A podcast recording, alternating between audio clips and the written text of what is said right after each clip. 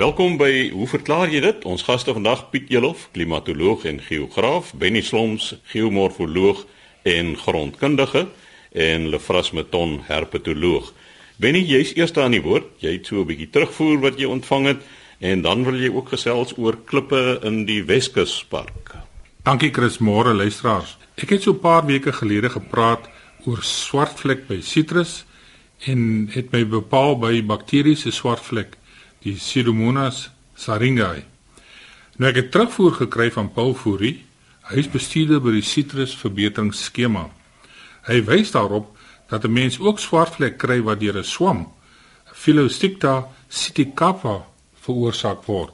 So ons het hierdie twee tipes van swartvlek.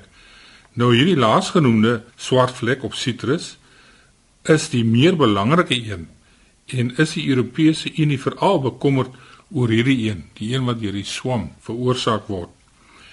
Hierdie tipe swartvlek word ook nie in die Weskaap aangetref nie en maak dus soos ek reeds genoem het by die vorige program, maak sitrus aanplantings hier by ons in die Weskaap al hoe meer gewild. Dan het ek 'n brief ontvang van meneer GM Smit van Goodwood. Hy sê met 'n onlangse deurreis deur die Weskus Nasionale Park het ek baie rotse los van mekaar gesien. Sommige lyk asof hulle in die grond geplant is. Geen berge is in sig nie. Hoe en waar kom hulle vandaan? Was dit dalk miljoene jare gelede bergagtig daar? Nou meneer Smit, die rotse wat jy gesien het daar in die Weskus Park is graniete. Jy sal sien, hulle is almal so gerond en van hulle kom los in die omringende sanderige materiaal voor. Nou hierdie graniete is deel van 'n baie groot granietpatoliet wat vanaf Stellenbosch en die Parel die hele Weskus en die sentrale gedeelte van die uh, Swartland onder lê. Ons noem hulle die Kaapse graniete en hulle is min of meer 500 miljoen jaar oud en hulle het binne in die Nama gesteentes ingedring. Nou 'n stollingsgesteente in hierdie geval graniet is suur en dit bestaan uit kwarts, veldspaat en mika minerale. Nou die magma van hierdie stollingsgesteente het nooit die oppervlakte bereik destyds toe in die aardkors in opbeweeg het nie. So op een of ander diepte het die onderliggende krag wat die magma na bo gestoot het, het dit gestop. Dit was nie groot genoeg nie en hierdie graniet het binne in die aardkors afgekoel. Die afkoelingsperiode was baie lank. Dit kan duisende jare wees, selfs honderd duisende jare. Nou, hoe stadiger enige magma afkoel, hoe groter is die kristalle wat jy binne in daardie stormsgesteente sien. Nou meneer Smit, as jy nou van naby gaan kyk na hierdie rotse, dan sal jy sien daar's drie verskillende soorte kristalle wat voorkom. Daar is kwartskristalle, hulle is so effens deursigtig, jou wit gekleurde veldspate en dan natuurlik jou mica minerale. Indien dit biotiet is, dan het dit 'n donker kleur. Nou hierdie graniete wat jy daar sien, is nie losstaande rotse nie. Hulle is almal verbind. Indien jy die omliggende grond sou wegwerk, dan sal jy sien dit is uitstulpings van hierdie groter graniet batoliet. En uh, langs die Weskus kom hulle voor vanaf die park, daar waar jy gaan kuier het, verby Saldanha, Vredenburg tot by Sint Helena Bay en hulle is baie prominent aan die linkerkant van die pad soos jy daar noordwaarts ry teen die Weskus. Nou ehm uh, hoekom sien ons hulle vandag? Hulle het binne in die Nama het hulle afgekoel en jy moet onthou dat bo op die Nama het jou Kaap supergroep van gesteentes ook gehad. Nou na baie miljoene jare se erosie en wegneem van die geërodeerde materiaal is hierdie graniete sigbaar. Die mooiste voorbeeld hier by ons in die Boland is seker sekerlik Parelberg wat 'n granietkoepel is. Mens moet jou kan indink dat daardie groot hoeveelheid graniet was binne in die aardkors en al die oorliggende materiaal is deur erosie verwyder en nou sien ons hom vandag. Dieselfde met hierdie klippe wat jy sien daar teen die Weskus. Benny is ek verkeerd is daar nie by Kamsbaai of daar iewers ook 'n klompie mooi groot granietrotse nie. Heeltemal reg, Lafras. Om die waarheid te sê dat die uh, Tafelberg sandstene by die Skiereiland rus diskordant bo-op graniete wat geplaneer is. En een van die belangrike geologie uitstappies vir die eerste jaars is juis 'n bustoer rondom die Kaapse Skiereiland sodat jy kan sien waar lê die onderliggende graniet en direk bo-op hom die Tafelberg sandstene. As ek sê dis 'n diskordante grens daar, dit beteken dit daar 'n redelike lang tydperk verloop waar tydens die graniete aan die oppervlakte was. Hulle is geplaneer en toe is die Kaapsoepe groep bo-op hom afgesit. Die rotse waarna jy verwys by Kamsbaai, by Clifton, by Sandy Bay is natuurlik om ander redes ook baie baie bekend hier by ons in die Weskaap. Ben nie dan wil ek net nou vir jou nog daar byvoeg in Somerset Wes het ek bewus geraak van so 'n granietkoepel waarop daar 'n uh, driehoeksmeting baken opgerig is. Maar soos jy self weet, wanneer ons noordwaarts trek Namibië toe, is daar by Springbok en daai omgewings is daar pragtige granietkoepels wat heel goed vergelyk met dit wat ons in die Parel sien. Ja, Piet, heeltemal reg. Die enigste verskil is dat hierdie Kaapse graniet is heelwat jonger as die wat ons sien daar in Namakoland. Hier van Bitterfontein begin jy al die graniete sien al die pad tot verby Springbok. Daardie graniete is so om en by 1100 miljoen jaar oud. Terwyl die graniete by ons in die Kaap die helfte van die ouderdom is so min of meer 500 miljoen jaar. So sê Benny Slomps, ons geomorfoloog en grondkundige en volgende aan die beurt, Lefras Meton, herpetoloog. En Lefras, jy het glo onlangs diep in 'n geitjie se oë gekyk. Ek gaan vir my vrou sê. Chris, toevallig het ek hier 'n brief ook van 'n Chris gekry. Ek neem aan is nie van jou af nie want jy sou sekerlik nie sulke intelligente waarnemings gemaak het nie. Dit is van 'n Chris. Ek weet nou nie wat sy van is nie. Hy sê ek het onlangs hierdie geitjie onder 'n klip in Stilbaai gekry. Twee dinge het my dadelik opgeval. Eerstens, die oog het 'n vertikale streep oor wat sou die betekenis daarvan wees? En dan tweedens, die stert is besonder dik en dit lyk of dit 'n nuwe stert kan wees wat aangegroei het nadat die oorspronklike een afgebreek het. Is nuwe sterte maar altyd so misvorm of is daar 'n ander verduideliking vir hierdie verskynsel? Nou hierdie twee waarnemings van Chris is baie interessante waarnemings en met jou toestemming Chris Swanepoel sou ek dit oor twee programme wil beantwoord. So as ons vandag net kyk na die oog van die geitjie Piet en Benny, hierso is die foto. Ek weet nie of julle kan sien, maar julle het seker al 'n geitjie oog gesien, so streep van bo na onder en 'n redelike dik stert. Nou natuurlik die streep is die pupil van die geitjie en dit sê dadelik vir ons mense wat katte aanhou het al gesien by katte kry jy ook hierdie vertikale verlengde pupil en dan gedurende die dag is hy redelik toegemaak en ander tye is hy nou nog meer oop. Nou as mens na die mens kyk, ons sien altyd mos 'n swart kol in die middel van die oog en baie mense verstaan nie mooi dit is nie 'n swart kollie dit is 'n 'n opening né? Dit is waar die lig ingaan deur die lens en dan val die lig agter op die retina en natuurlik daar's fotoreseptorselle en dan word uiteindelik die beeld gevorm. So net soos met 'n kamera die opening uh, hoe helderder die lig is hoe kleiner moet die openingkie wees Anders gaan jou foto wat na jou brein gestuur word oorbelig wees as daar te veel lig aangaan. So die pupil, die opening word die spiere in die iris, dit is nou daardie gekleurde deel rondom die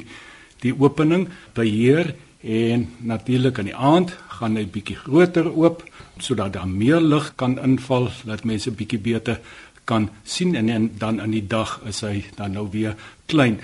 Die mense wat in die nag met hulle gewere rondloop, weet ook baie keer sien jy dat die as jy met 'n lig skyn, dan weer kaats die oë van sekere wilde diere en dit is omdat daar agter die retina by hierdie diere weer kaatsende materiaal ingebou is wat die lig weer terug weer kaats deur die retina om die beeld te versterk. En dan word die lig natuurlik nou deur die pupil na buite toe weer kaats en dit is wat ons dan nou sien. Dieselfde die rooi oog effek as jy nou met 'n kamera iemand afneem met 'n flits dan as jy altyd teleeggestel om hierdie groot rooi oë te sien. Dit is natuurlik is daar nou nie hierdie weerkaatsende materiaal agter die retina nie. Dit is maar die gewone weefsel wat baie bloedvate bevat en dit gee dan daardie rooi skynsel. Nou vandag moet die moderne kameras kan jy natuurlik sommer in die kamera stel, hy verander sommer daai rooi kleur weer na swart toe of die kamera kan eers 'n voorafgaande flitsie gee wat dan jou die pupille laat saamtrek en dan is die rooi oog effek nie daar nie. Nou die vraag is hoekom dan nou hierdie vertikale verlengde elliptiese pupille? Dit kom by baie diere voor. Mens kry ook natuurlik diere wat dit weer horisontaal in allerlei vorms kan wees, perde, skape, maar ek het nog lanklaas in 'n perd se oë gekyk waar dit is veronderstel om dan meer horisontaal verleng te wees en dit is nie rond nie. Ja, ek dink die meeste mense sal intuïtief dink dit iets met naglewe te doen. Dit is so dat baie van jou nagdiere, veral die predatore, het dan hierdie vertikale verlengde of elliptiese pupille. Hierdie pupille, die beheer daarvan om oop en toe te maak. Hulle kan dit net klein bietjie oop te maak kan hulle al baie meer lig inlaat as wat 'n ronde pupil sou doen. As mens met byvoorbeeld 'n kat se oog met 'n mens oog vergelyk, by die kat is hy tussen heel oop en toe is dit 135 maal verskil in die opening van die oog. By die mens se oog heel oop en toe die pupil is dit maar 10 maal verskil. So hulle kan sien dat hierdie verlengde pupille het baie meer beheer oor daardie hoeveelheid lig wat inkom en natuurlik ideaal vir nagdiere. Maar daar's baie studies gedoen val op slange en tot hulle agtergekom dit gaan nie net oor nagvisie nie. Dit gaan ook oor die voedingsmetode van diere. Hulle het gevind dat slange wat sit en wag voeders is, met ander woorde wat hulle op 'n plek lê en wag soos 'n pofouder. Hy wag nou vir 'n muis om verby te kom. Dat baie van hierdie diere het dan nou ook vertikale gleuf oë of people oë. En skynbaar dien dit as 'n soort van 'n kamouflering van die oog. Want jy weet so oog is by enige dit is as ons na mekaar kyk, dit is dit's absoluut 'n fokuspunt en ek dink by baie diere die oog sien jy dadelik raak. So dit kan belangrik wees dat daardie oog dan so gekamoufleer moet wees. So hulle het 'n redelike uitgebreide studie op slange gedoen en dan gevind ja, uh, naglewe, die slange wat in die nag lewe, hoofsaaklik dan hierdie vertikale pupille, maar dat die voedingsmetode ook 'n rol speel. Dat baie slange wat in die dag lewe, maar wat sit en wag voeders het, ook hierdie tipe vertikale pupille het. So by geitjies, ons weet geitjies is dan nou naglewend en dus hierdie vertikale glewe is dan nou maar deel van om beter in die nag te kan sien en die aand sal daardie spleet natuurlik oopmaak na weerskante toe en dan natuurlik baie meer lig inlaat. 'n Ander baie interessante ding wat hulle agtergekom het is dat hierdie vertikale splete verbeter die driedimensionele visie. Is dit Viewmaster of wat was daardie die stereoskopiese? Ja. Nou kyk die oë sit mos nou langs mekaar en dan word die twee beelde moet nou so half oor mekaar kom en dan kry jy nou hierdie driedimensionele effek. Nou diere met vertikale verlengde pupille daardie effek is baie beter. Hulle kan dit baie beter in drie dimensies sien en dit is baie belangrik by predatore. So baie van die predatoriese voëls en ook ander predatore het dan hierdie vertikale pupille. Lefras wat my interesseer is die feit dat veral leeu's dikwels in die nag jag omdat hulle beter sien as baie ander eh, diere in die nag. En as dit nou 'n kat familie is dan aanvaar ek sy pupille is ook vertikaal of is dit nie so nie? Nee. Jou waarneming is goed en dit is een van die interessanthede dat daar eintlik nie patroon is jy kry binne groepe soos die katfamilie nou dat die kleiner katte is geneig om dan hierdie vertikale verlengde pupille te hê terwyl jou groter katte soos leeu's dan het ronde pupille.